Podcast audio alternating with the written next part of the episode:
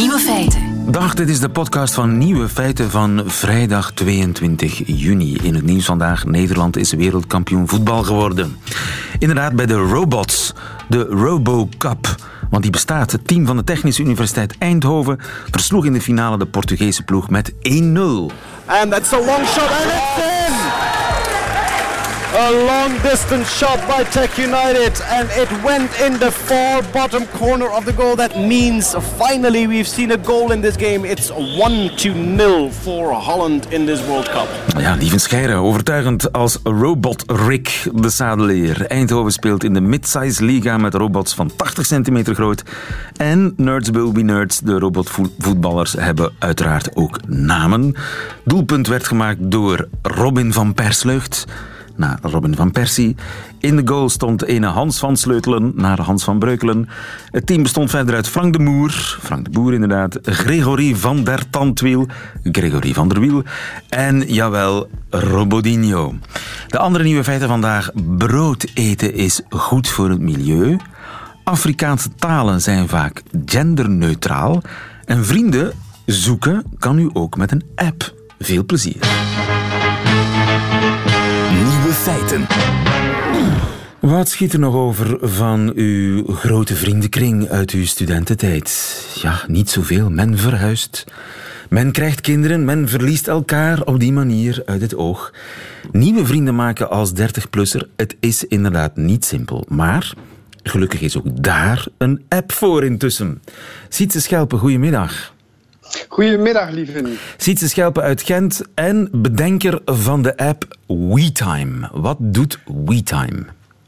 Wel, um, WeTime is eigenlijk een platform waarbij dat we koppels de mogelijkheid geven om kenbaar te maken aan andere koppels dat ze terug een leuke, gezellige avond willen. Het gaat niet om dus- swingers, hè, voor alle duidelijkheid. Mensen die een, een, een, een spannende seksavond willen meemaken. Zeker niet. Want dat is het eerste waar ik aan denk. Ik weet niet hoe het komt. Ja, klopt. Um, het is een vraag die we regelmatig krijgen, maar het uh, seksuele is volledig gebannen van ons platform. Het is echt gebannen? Voor...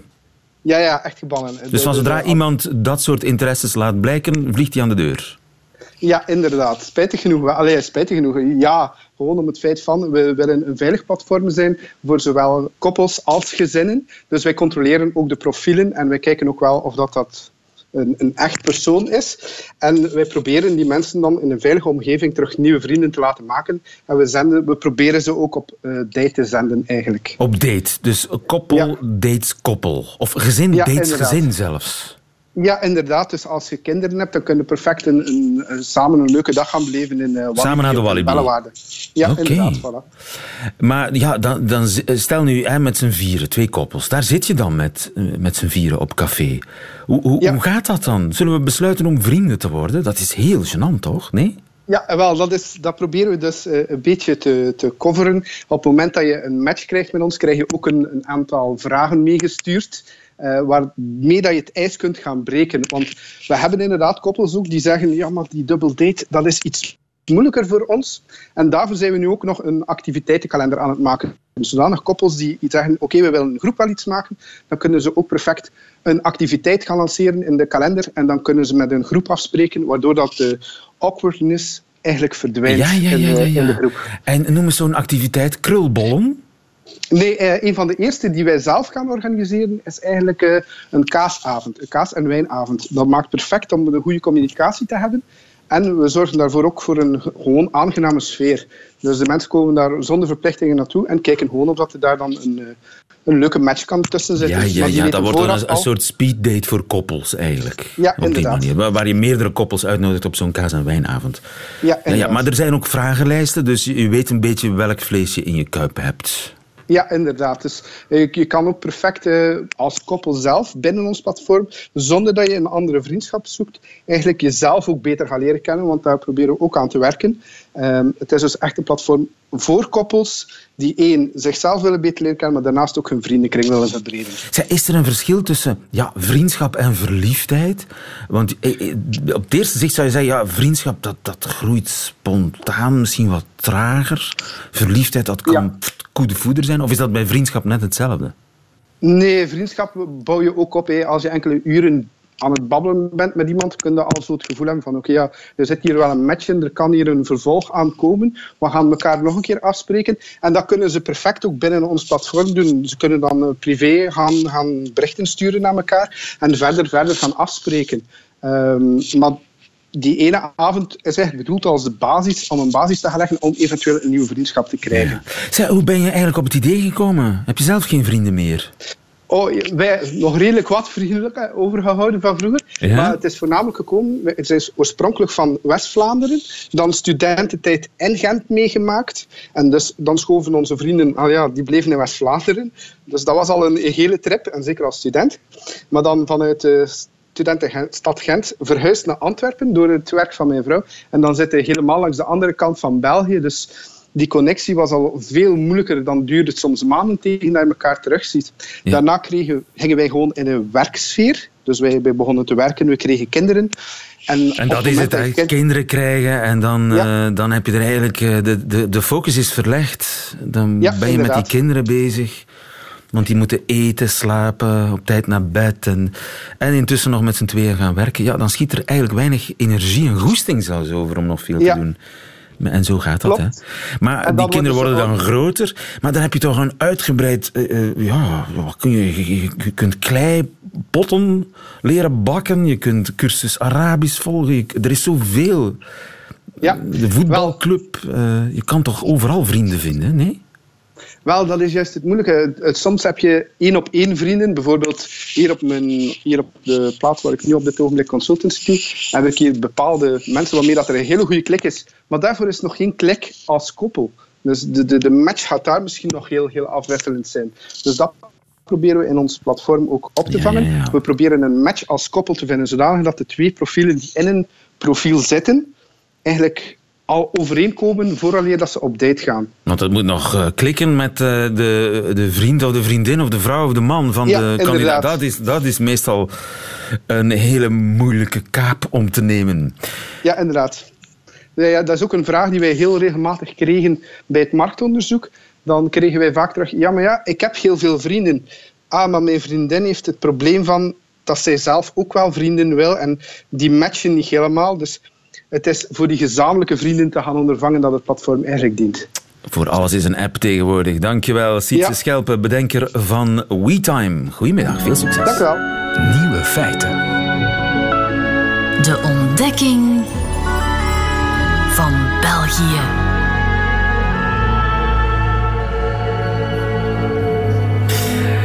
Kandidaat Belg Sander van Horen die springt altijd even binnen op vrijdag om te getuigen over zijn vorderingen. Om te getuigen van zijn vorderingen. Jarenlang was hij correspondent Midden-Oosten voor de NOS. Sinds september bericht hij in het NOS-journaal over België, over ons land. Dag Sander. Dag. Welk avontuur heb je deze week beleefd? Nou ja, ik blijf het leuk vinden dat ik dus deze week bijvoorbeeld alle politieke pagina's heb over kunnen slaan. Deze week heb ik alleen maar de sport- en de cultuurpagina's hoeven lezen. Sport en cultuur, Dat is Sander. me in het Midden-Oosten eigenlijk nog nooit gebeurd. Het is zo'n verrijking eigenlijk van mijn journalistieke leven ook. Dat je Daar dus kwam je niet aan toe in, in Libanon. Nee. En ik heb natuurlijk het afgelopen jaar.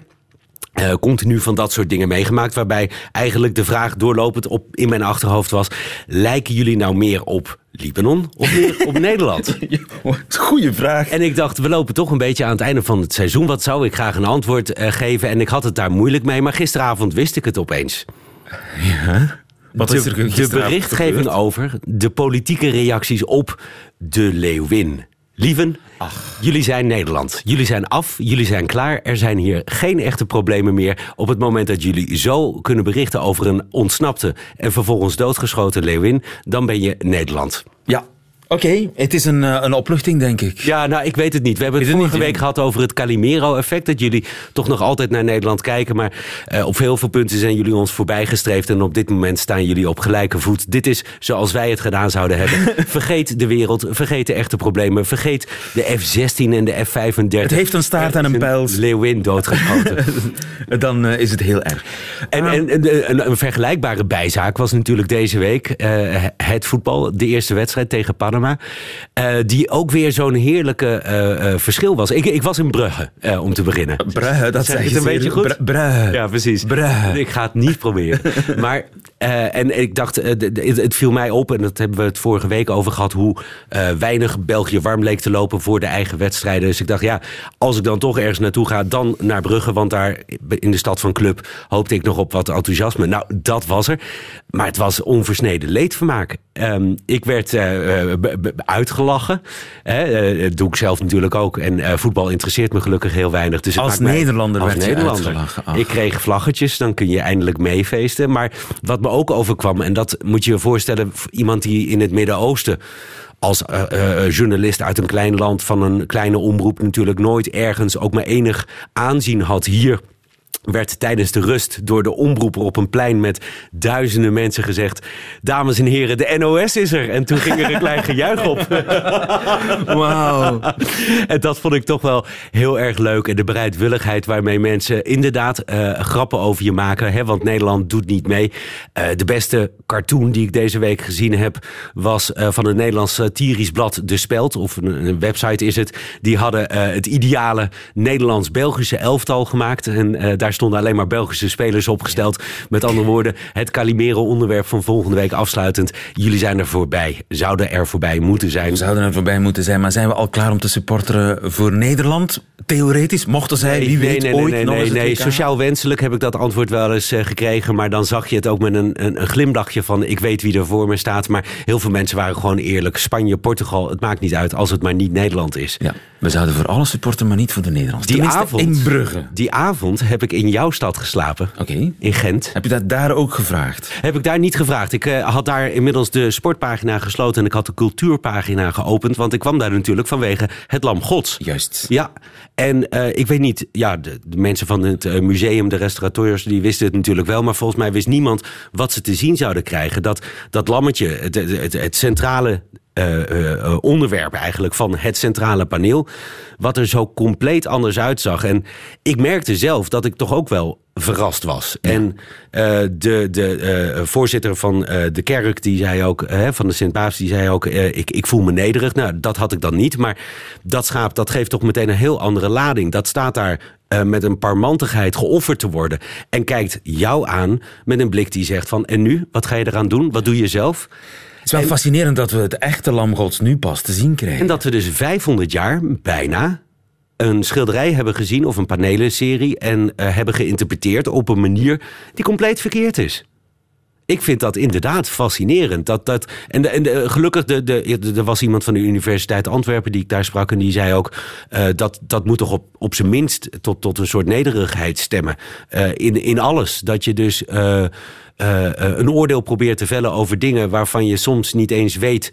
Hè, in tijden van fake news is het natuurlijk ook wel weer een hele aardige. Ja. Uh, we hebben dus in, in feite uh, avant la lettre vijf eeuwen lang naar een fake news zitten kijken. En daar, dus ook, ja, en daar dus ook een, een oordeel over gehad. En ik, ik vind dat op zich wel grappig. Dat is natuurlijk journalistiek de kern. Wat weet je eigenlijk? Hoe zeker ben je daarvan? En wat kun je zeggen op basis daarvan? Ja, het stemt wel op allerlei mogelijke manieren tot nederigheid. Ook in, in mijn werk merk ik op een, op een hele vreemde manier. Zeg ik als niet-gelovige jongen die, die het lam gods... Nou ja, het zal allemaal best, maar dat stomme schaapje heeft dat toch maar met me bereikt. Ja. En verder nog uh, dingen ontdekt in Gent?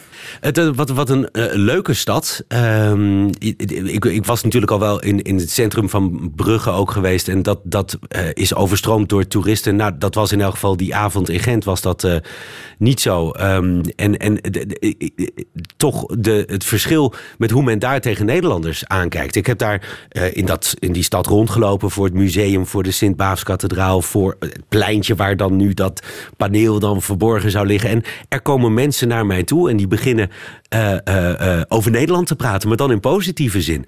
Iemand die naar me toe kwam en zegt: We gaan hier binnenkort een standbeeld voor Willem I onthullen. Gent heeft een orangistische traditie. Hè? Maar, Kort na de 1830 was Gent uh, langst, denk ik, pro-Nederland. Maar als we het dan toch over eeuwen hebben, in het kader van het Lam Gods, dat dat dus na honderden jaren nog steeds kennelijk op dat niveau effect heeft. Dat vind ik ook wel fascinerend. Ik bedoel, en ik begreep het inmiddels een beetje van Antwerpen. Die uh, we hebben het ons nooit vergeven dat we de Schelde hebben afgesloten. Maar dat dat dus die bevrijding uh, door Willem I in Gent nog altijd tot een positieve grondhouding ten opzichte van Nederlanders leidt. Absoluut. Maar kijk naar je eigen programma als Gentenaar. Ik bedoel, volgens mij... We hebben geen Hollander van de, angst. We hebben hier geen, absoluut geen nee, eh, het Hollander merendeel van de sprekers in dit programma is toch Nederland. Dat eh, zou eens moeten natellen, maar het maakt, hij- maakt mij eigenlijk geen, eh, niks uit Nee. waar iemand vandaan komt als hij maar een, een goed verhaal heeft. Lijkt me een gezonde houding. Ehm, ja, de, de, ta- ik wou, de taaltest. Gent, we blijven in Gent. Want we maken het een beetje moeilijker. Elke, elk gesprek met jou rond ik af met een soort taalkursus. Vandaag wordt het helaas een cursus Gent. Ja, ik ga falen op alle mogelijke manieren. Ben je er klaar voor? Dit is het, ja, het belangrijkste als je in Gent een klein beetje geloofwaardig wil gedragen. Dit moet je zeggen. Vrijwijs. Vrijwijs. Driewijs. Zeer mooi. Ja. Wat- maar wat betekent het? Eh, ontzettend leuk. Ja, dat is goed. Dan reken ik gewoon goed. Blind, Gaaf, blind gegokt. wijs. Vrijwijs. Een platzucht. Ontbijtzucht, wat zei ze? Een pletsuft. een pletsuft. Is er nog een plaatsje over? Nee. Jammer. Plets is kaal. ja. Uft is hoofd. Hoofd, ah, oké. Een kaalkop. Ja. Pletsuft. Een biezenbijze. Ook belangrijk. Een biezenbijze. Nee, Biezenbijze, biezenbijze. Een schommel. een schommel. Maar weet je, eh, ik vroeg het er net op de redactie en er waren ook heel wat mensen die het dat niet vind ik wisten. het gemene van wat je het afgelopen jaar eh, met mij hebt gedaan. Ik bedoel, als, als je dit Gens vraagt uit, aan iemand uit, uit Hasselt... Ja, dan weet je het ook niet. Nee, dat bedoel ik. Nee, nee, vandaar, vandaag is het extra moeilijk. Maar ik, ik geef jou het maar mee, de volgende keer als je in Gent bent, om dan geloofwaardig Biezenbijzen. af en toe vriewijs, pletsuft, biezenbijzen en je bent al helemaal geaccepteerd. Dit is ook heel belangrijk. Een boterham met uw vlakken. Een boterham met uw vlakken. Een boterham met uw vlakken. Met uw vlakken. Ja. Boterham. Ja, nee, oké. Boterham, hè? Ja. Uw vlakken. Uw vlakken, ja. Ik probeer dat te visualiseren, maar ik kom niet ver. Nee, nee, nee. nee. Eh, in het algemeen Vlaamse woord is denk ik preskop. Had je die moeten vragen, had ik ook niet geweten. Het Nederlandse woord volgens mij is hoofdvlees. Hoofdvlees, nee, dat kennen we niet. Hoofdvlees ken Nee, je ook niet. Eh, Misschien ken je het gerecht gewoon niet eens. Nee. Het is gewoon varkenskop, maar Ja. dan een soort samengeperste varkenskop. Ja. En daar moet mosterd bij. Bij voorkeur van Tierentijn. Ja. Tierentijn, een Gentse mosterdwinkel. Eh, eh, Kan je je voorstellen dat er van die woorden zijn dat je blij bent dat je ze niet kent en dat je je ook afvraagt of je het eh, ooit gaat eten? Maar eh, ik, ik kan het je aanraden. De volgende keer in Gent een boterham met uw vlakken. Uw vlakken. En je krijgt de beste boterham die je ooit hebt gegeten met mosterd van Tierentijn, volgens mij. Dankjewel, Sander. Radio 1.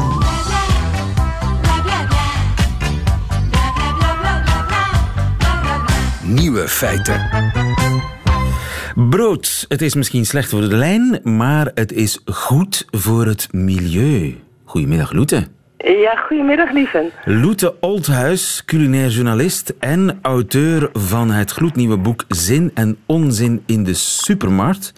Want ja, daar sta je dan hè, met je goede bedoelingen in de winkel. Wat, wat koop je, wat koop je niet, om de planeet zo weinig mogelijk te belasten. En een van de ontdekkingen die jij gedaan hebt, is dat brood goed is voor het milieu. Hoe kan dat? Absoluut. Het is overigens ook helemaal niet zo slecht voor de lijn, maar dat is een andere discussie. Ehm, nou, eh, het brood, eh, zeker gewoon tarwebrood. Ehm tarwe heeft natuurlijk een, een, een slechte naam, die, die ook uit voedingskundig oogpunt helemaal niet zo terecht is. Maar tarwe heeft ook een enorme hoge opbrengst per hectare. Dat betekent dat je dus van een hectare tarwe heel veel brood kunt maken. En eh, brood is ook nog eens eh, voedzaam. Eh in volkoren brood zitten ook nog vezels en allerlei vitamines.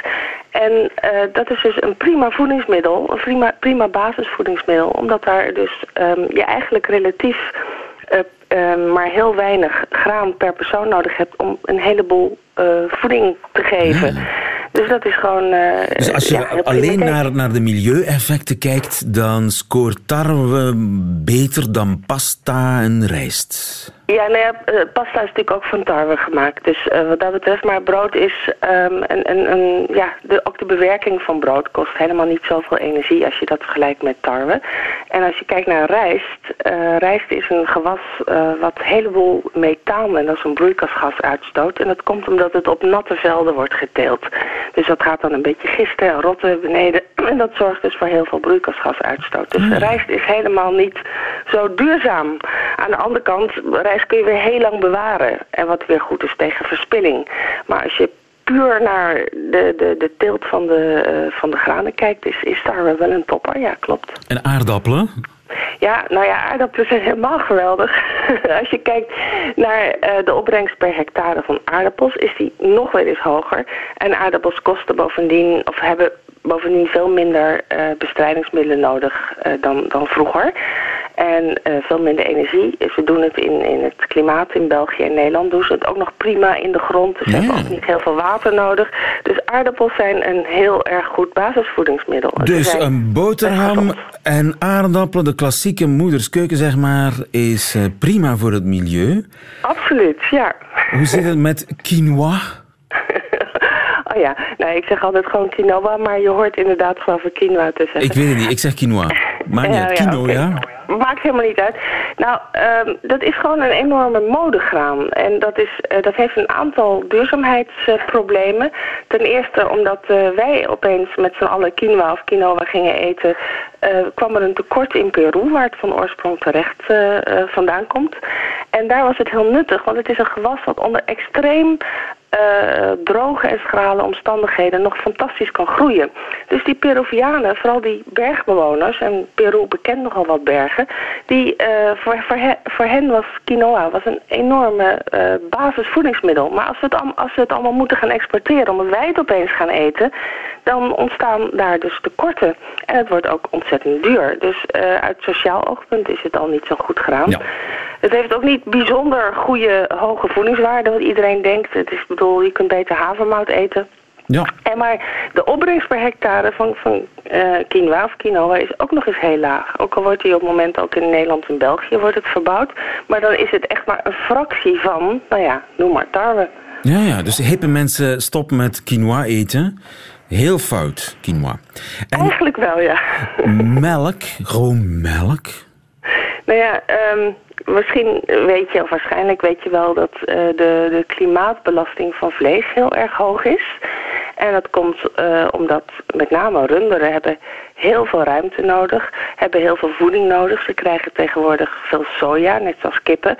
En voor die soja, daar worden hele bossen in Zuid-Amerika ontbost.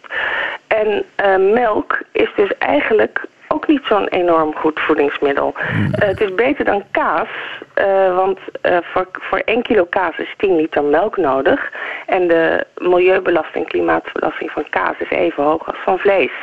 En melk en, en zachte kaas en kwark en yoghurt zijn op zich wel, wel beter. Omdat je natuurlijk, maar je houdt nog steeds dat koeien heel veel ruimte nodig hebben en dat ze heel veel soja en andere belastende voedingsmiddelen En eten. is sojamelk dan een verantwoord alternatief of is het nog erger? Nee, het is eigenlijk wel goed. Het, Oh. het punt is dat de, de soja voor veevoer, dus voor kippen en koeien en varkens, en, ehm, dat is een ander soort soja dan voor menselijke consumptie. Die soja die dus wij eten in, in, in eh, tofu, sojaburgers en sojamelk, die komt ook uit hele andere landen. Die komt bijvoorbeeld uit Canada en de Verenigde Staten. En daar zijn die problemen, zijn helemaal geen problemen met ontbossing.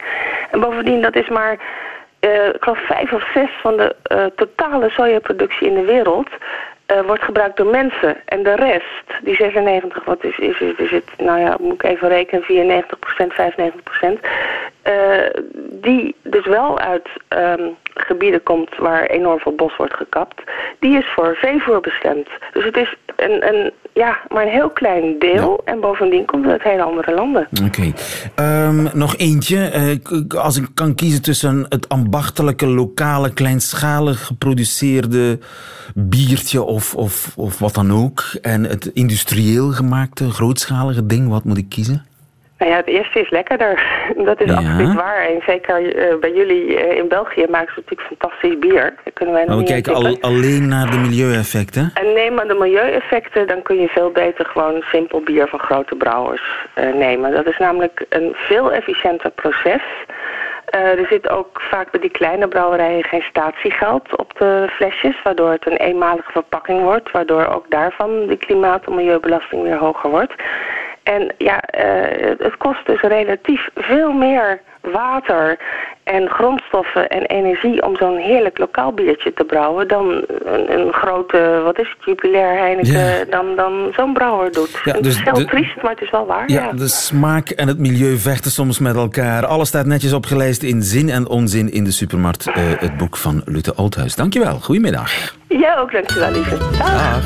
Nieuwe feiten. Taal zonder hij of zij, daar dromen feministen al jaren van. Maar in Afrika is het geen droom. Goedemiddag, Jemi. Goedemiddag. Jemi Oduwale, acteur. We kennen jou sinds kort als Dries in Thuis. Ja, klopt. Jij hebt Afrikaanse roots. Waar liggen die roots ergens? Eh, mijn vader is van Nigeria. Ja. Een klein dorpje, eh Okaibo. Dat is eigenlijk zijn geboortedorp, maar hij is zelf opgegroeid in Lagos, de voormalige hoofdstad van Nigeria, in Afrika. Ja, en bij het Yoruba-volk. Ja, ja. Yoruba is een, eh, een volksstam die zich wel verder strekt dan Nigeria. Dus eigenlijk over heel Afrika bijna. En eh, een heel groot deel daarvan zit in Nigeria.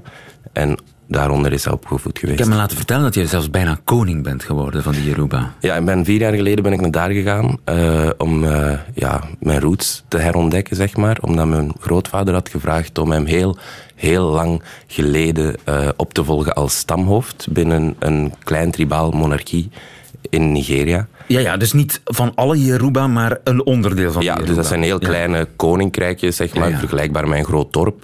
Eh, waar dat er altijd een koning is en een stamhoofd. De rechterhand van de koning, dat was mijn grootvader. Ja, ja. Eh, en eh, hij vroeg of ik hem niet wou opvolgen. Nu, mijn ouders zagen dat niet zitten. Ik was nog altijd wel een beetje...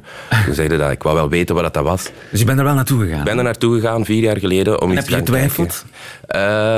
In het begin heb ik getwijfeld voordat ik er was, maar toen dat ik er dan was, dacht ik, ja nee, het is een beetje hypocriet om zo ergens naartoe te gaan, koning te worden, of proberen koning te worden van een, een volk dat je totaal niet kent en een gebruik niet kent. Dus, Nu, nou, het schijnt, eh, de taal van de Yoruba... Ik weet niet, kun je Yoruba's spreken? nee, dat kan ik niet. Maar ik heb gehoord dat, dat ze daar weinig verschil maken tussen hij en zij. Ja, dat klopt. Eigenlijk eh, wordt er bijna eh, geen, ja, hoe noemen we dat, gendernotificatie of zo, wordt er niet echt aan gedaan.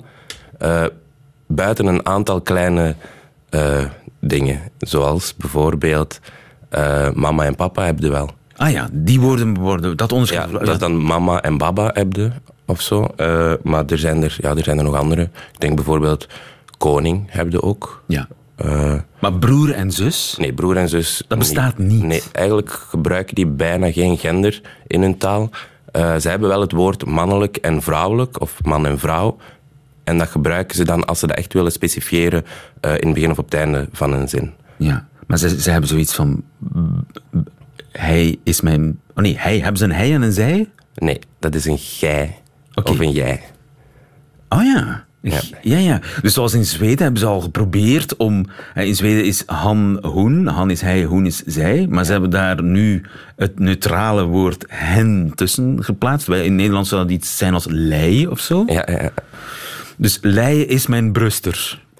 Dat, zo, zoiets zou je zeggen in het. Eh, Ja, eigenlijk zeg je, eh, als, wacht, als je nu moet zeggen eh, mijn zoon of zo, Ja? Dan eh zeg je, ik heb het zelfs opgeschreven, wacht, want het is, het is heel moeilijk. Hè. het klopt totaal niet, maar eigenlijk als het in het Yoruba zou zijn, dan zeggen ze Omo mi okunri, denk ik. En dat wil dan zeggen mijn eh, jongenskind. Jongenskind Ja. is een zoon. Ja. Maar eigenlijk eh, zeg je standaard kind. Ja. Ja, alleen als je heel de... We gaan, eens, we gaan eens luisteren hoe dat in het echt klinkt, dat Yoruba. Want, Opa, I am here to um, get to know the uh, Yoruban traditional culture and try to figure out if it's possible for me to acquire a title. ó ṣeé ṣe tí wọ́n máa ń sọ pé tẹ́gbà kan ò bá kú It's possible for you to own that title. But like you know, you can't have two kings sitting No, on a throne. Oké. Dat was eh, jij en je bezoek aan je grootvader. eh, koning, dat, dat woord bestaat wel. Ja, dat En, woord wat, bestaat. wat- en opa, ik, ik- je vroeg opa. En hoe vertalen ze dat dan? Eh, Een soort dat is ook een samenraapsel. Dan heb Ah, je ja. ook... Ja, ja, ja. Dat is... eh, wacht, hè. Mannelijke grootouder. Ja, eigenlijk komt er dan baba in, van vader. Ja. En dan mi agba. En dat wil dan zeggen, ja, van mijn groot of zo. Ja. Of mijn grote. Ja. Heb je enig idee hoe het gekomen is dat die Yoruba geen onderscheid maken tussen man en vrouw? Of toch veel minder dan We- in het niemand weet het. Ik heb dan aan een paar mensen gevraagd die effectief vandaar komen, maar iedereen is zo opgevoed. Eh, blijkbaar is dat daar doodnormaal en niemand stelt zich daar vragen bij. Blijkbaar is dat een heel westerse constructie om de hele taal te vermannelijken of te Ja, vervrouwelijken. ja, ja, en dat zie je ook wel nu, want eh, Nigeria is gekoloniseerd geweest door Engeland. Eh, dus ze spreken daar als tweede taal Engels, allemaal. Eh, en als ze bepaalde dingen niet kunnen vertellen in het Yoruba, dan geven ze daar gewoon een Engels... Allee, dan smijten ze daar een Engels woord tussen. Maar betekent dat ook dat er in de samenleving minder onderscheid gemaakt wordt tussen mannen en vrouwen dan hier? Ehm, dat is anders. Er is sowieso wel altijd een verschil tussen mannen en vrouwen. Eh, omdat, ja, als stel dat je eerstgeboren kind een zoon is, dan is dat de vertegenwoordiger van je familie of van je gezin. Dus daar wordt dan wel heel veel aandacht aan besteed. Maar eh, op een andere manier ja, ligt, is dat machtssysteem wel helemaal anders. Meestal wordt er zo een... een eh, ja, hoe zeg je dat? De oudste is degene met, die het meeste respect verdient. Of dat nu een man of een vrouw is? Ja, voilà. Ja. Dus de taal eh, bepaalt toch een beetje hoe je naar de wereld kijkt, hè? Ja, absoluut. En omgekeerd. Hoe je En omgekeerd en ook. je Heel boeiend allemaal. De Yoruba, een taal met weinig onderscheid tussen man en vrouw. Jemi Oduwale, mag ik jou danken voor je komst en veel succes wensen. Als Dries in thuis. Goedemiddag.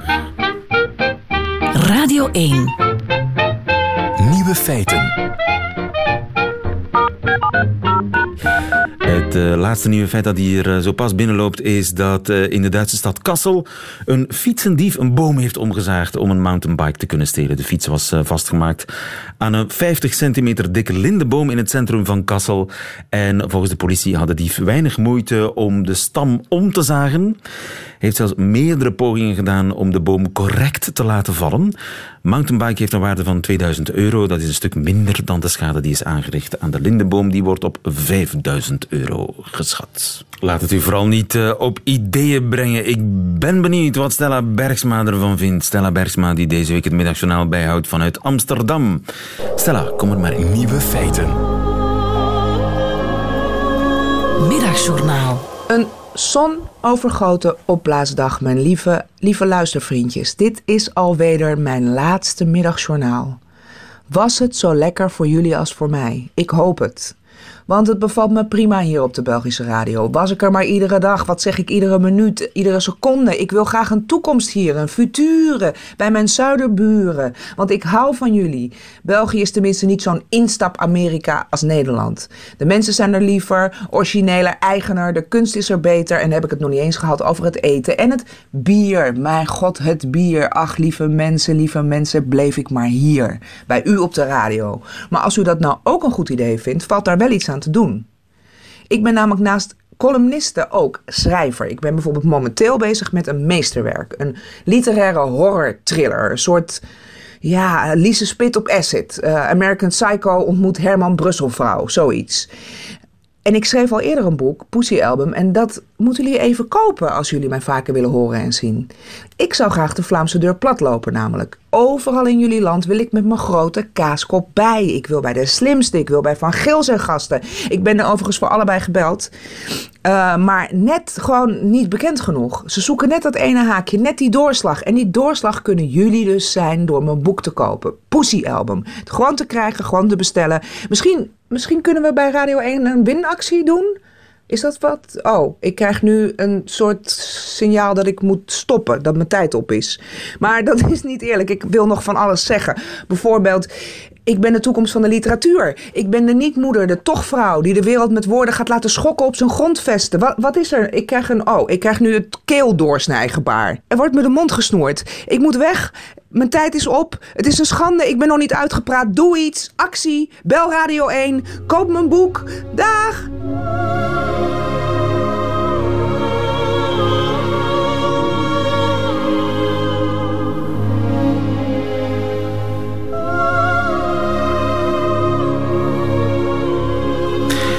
Het middagjournaal met Stella Bergsma. Meteen het einde van deze podcast. Maar u vindt er nog veel meer op radio1.be en op alle gebruikelijke podcastkanalen. Tot de volgende keer.